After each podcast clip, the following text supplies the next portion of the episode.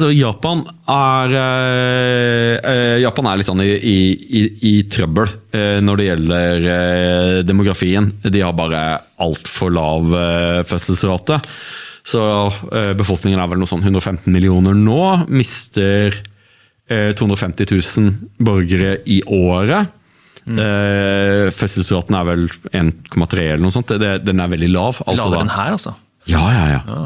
Og det har de hatt i ganske lang tid. Og det er noe som man da hele tiden i Vesten påpeker, det er altfor lav demografi. For de har jo nesten klart å invertere eh, befolkningspyramiden. ikke sant? Sånn som i en, normal befolkning, i en normal menneskelig befolkning, så vil det finnes mange spedbarn og veldig få hundreåringer. Altså som en pyramide. Mens i Japan så er det nesten omvendt. ikke sant? At det er veldig få spedbarn og veldig mange hundreåringer. Eh, og det har vært et problem for japansk økonomien. altså at de, de sliter med mangel på tilgang til arbeidskraft. Eh, Men så må vi også være så ærlige og si at eh, i et Europa som har totalt ukontrollert innvandring, eh, vi har akkurat de samme vekstratene som Japan, så liksom ikke kom og fortell meg at demografi er skjebne i økonomisk forstand. Ikke en økonomi der eh, man driver med high-tech, og det er jo det japanerne driver med.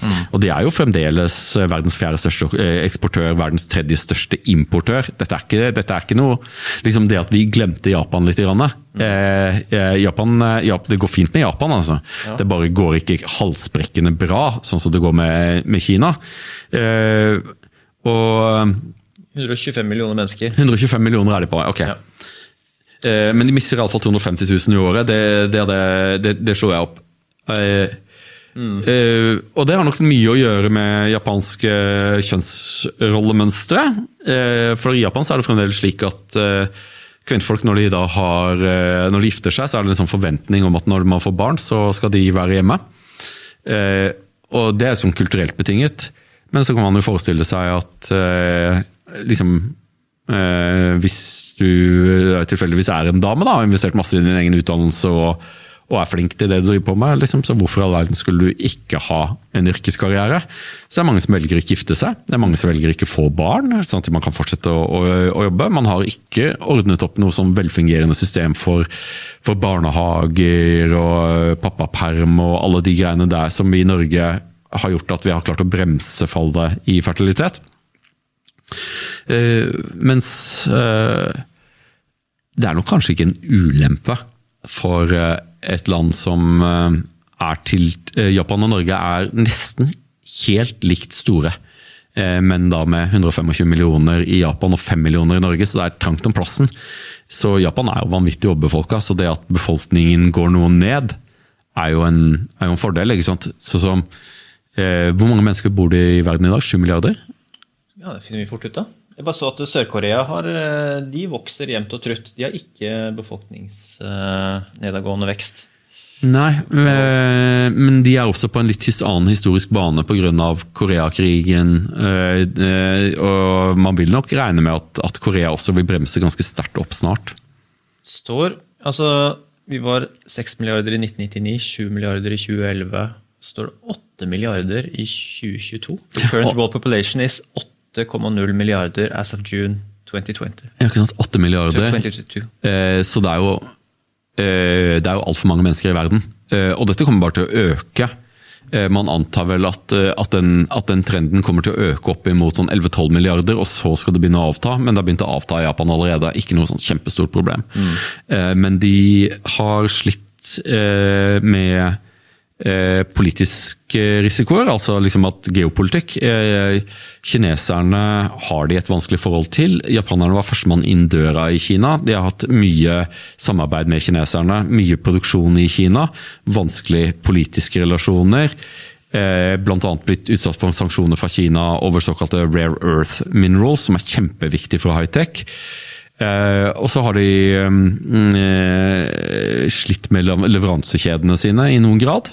Det er sånn som det samme grunnene til at folk ikke kan kjøpe elbiler i Norge. liksom, At eh, de produserer high-tech-ting, og det er lagd av, eh, av, av råvarer som kommer fra et utall land. Pandemi og andre ting og finanskriser og alt annet har gjort at disse kjedene har blitt vanskeligere. Så industrien deres har slitt en del i de senere årene. Samtidig som at eh, deres vekstkurve ser mye ut som Europas. Interessant, da. Det, men du, kanskje ja, at Japan kan eh, tåle og faktisk også vinne på å bli litt færre? Eh, sa du i sted. Altså det du Jeg tror det. eh, At, at om, om det finnes færre enn 100 millioner japanere, så tror jeg ikke at det er noe problem for Japan. Det vil bli bare bedre plass for de som faktisk er der. For det er litt sånn som eh, de, de, de er jo trangbodde.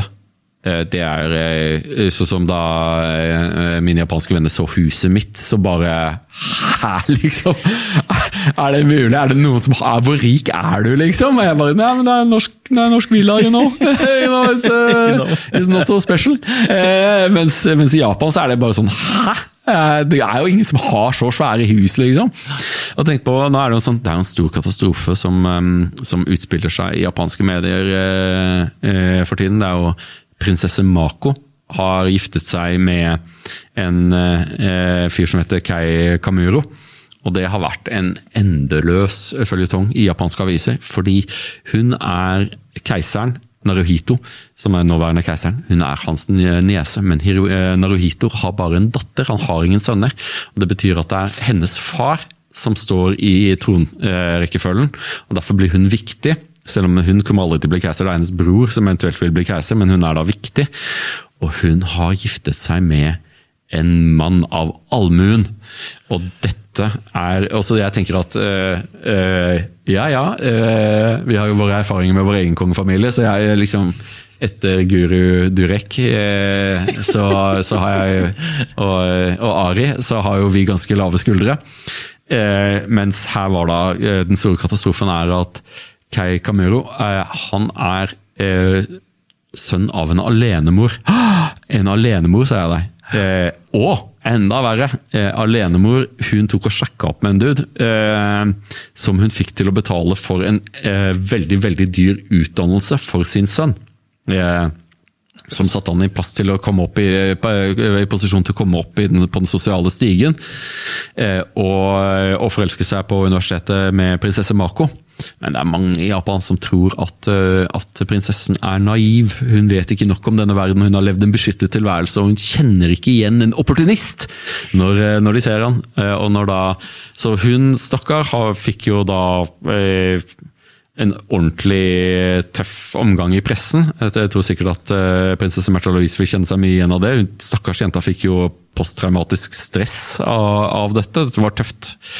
Og har da flyttet til New York. Og her kommer endelig poenget. Liksom, når da prinsessen av Japan flytter til New York med da sin nye ektemann, eh, flytter de da inn i liksom sånn der, eh, et kjempehus? Nei da, i en sånn bitte liten leilighet, et ettromsleilighet i eh, Hell's Kitchen på 55th Street. Der bor prinsessen av Japan nå. Yes. Ja, altså, ja, det, man, man, liker det sånn som det er hjemme. Da. Sånn, eh, det kanskje ville vært unaturlig. Eller kanskje man, hvis man har vokst opp bitte lite og trangt, hva skal du gjøre med all den plassen hvis du kommer til et sted med kjempestor plass? Ja, men jeg vet ikke, sånn som hun kan ikke, det, Hvor trangt kan det ha vært? Liksom, jeg har sett Keiserpalasset det, i, Ja. i Tokyo. Det, det ser ut som at de, har, at de har lubbent med plass. Men tenk på det, du. Liksom at?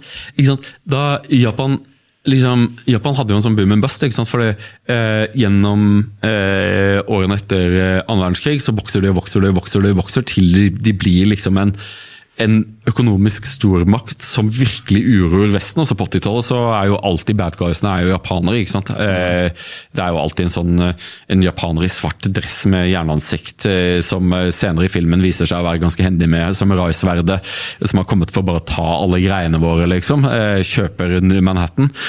Det, dette avfødte da den største boligboblen i eh, menneskehetens historie, så vidt jeg har forstått.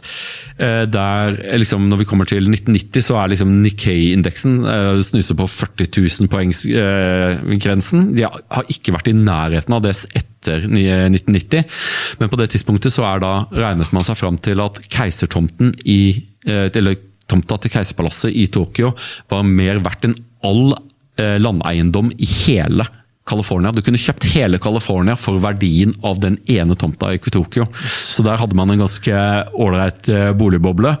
Og den sprakk og ble avlåst, avløst av det som japanerne kaller the lost decade, men som i realiteten har vært tre tapte tiår eh, fra, fra 91 og fram til nå, hvor, eh, hvor veksten har vært svak og anemisk. Eh, nesten eh, minner mye om Europa. Mye stillstand. Man har funnet tilbake til liksom, den voldsomme veksten som man hadde for, for, på, på 80-tallet.